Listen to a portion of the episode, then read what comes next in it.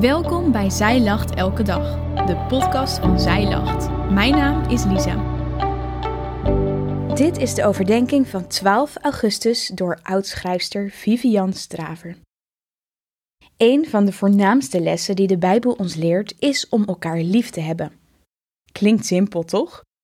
Maar hoe liefhebbend ben jij op de vroege ochtend wanneer je je bed uit wordt getrommeld? Kan jij volledig uit liefde handelen wanneer die ene auto of fietser jouw weg blokkeert?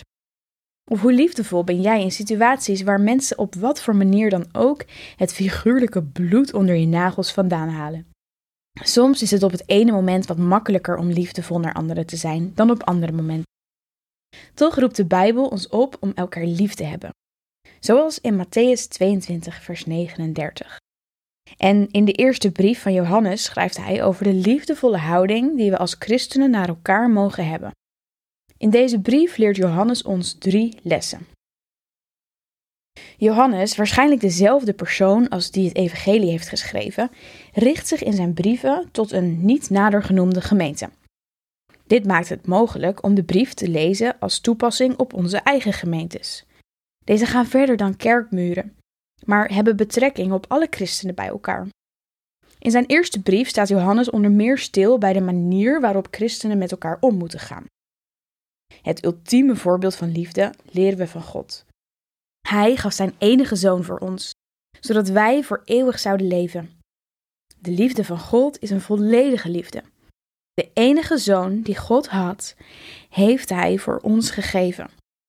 Vanuit die inspiratie namelijk God die ons alles geeft om zijn kind te zijn, mogen wij anderen lief hebben om ons heen. In 1 Johannes 4, vers 10 staat: Hierin is de liefde van God aan ons geopenbaard. Dat God zijn enige geboren zoon in de wereld gezonden heeft, opdat wij zouden leven door hem. Hierin is de liefde. Niet dat wij God lief hebben gekregen, maar dat Hij ons lief had en zijn zoon zond als verzoening voor onze zonden.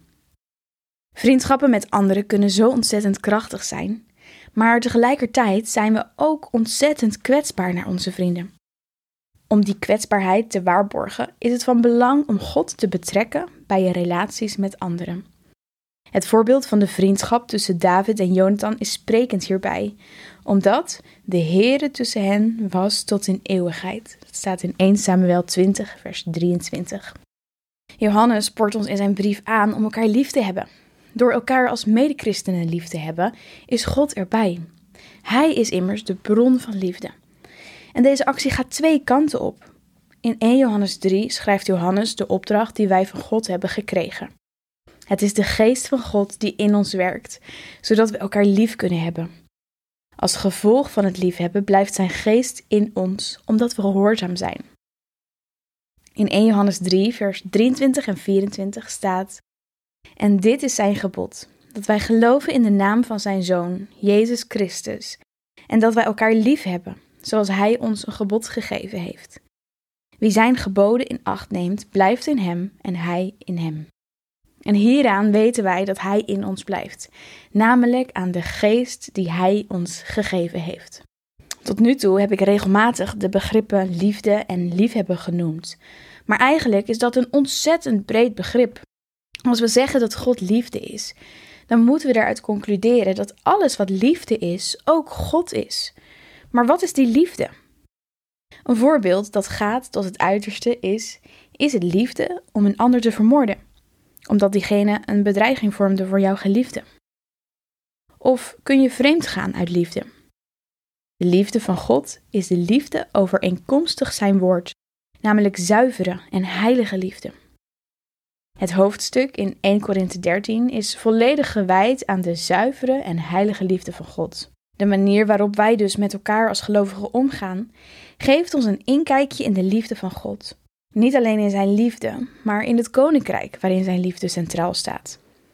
Wij kunnen een stukje van dat koninkrijk op aarde brengen in de manier waarop wij met elkaar omgaan. Het lied Ubi Caritas et Amor is het lied dat van oorsprong werd gezongen voor de voetwassing op Witte Donderdag. Het gaat precies over de liefde van God en van ons naar elkaar toe. Het eerste couplet, vertaald, is als volgt: Waar vriendschap en liefde heersen, daar is God. De liefde van Christus heeft ons bijeengebracht. Laten wij juichen en daarvan genieten.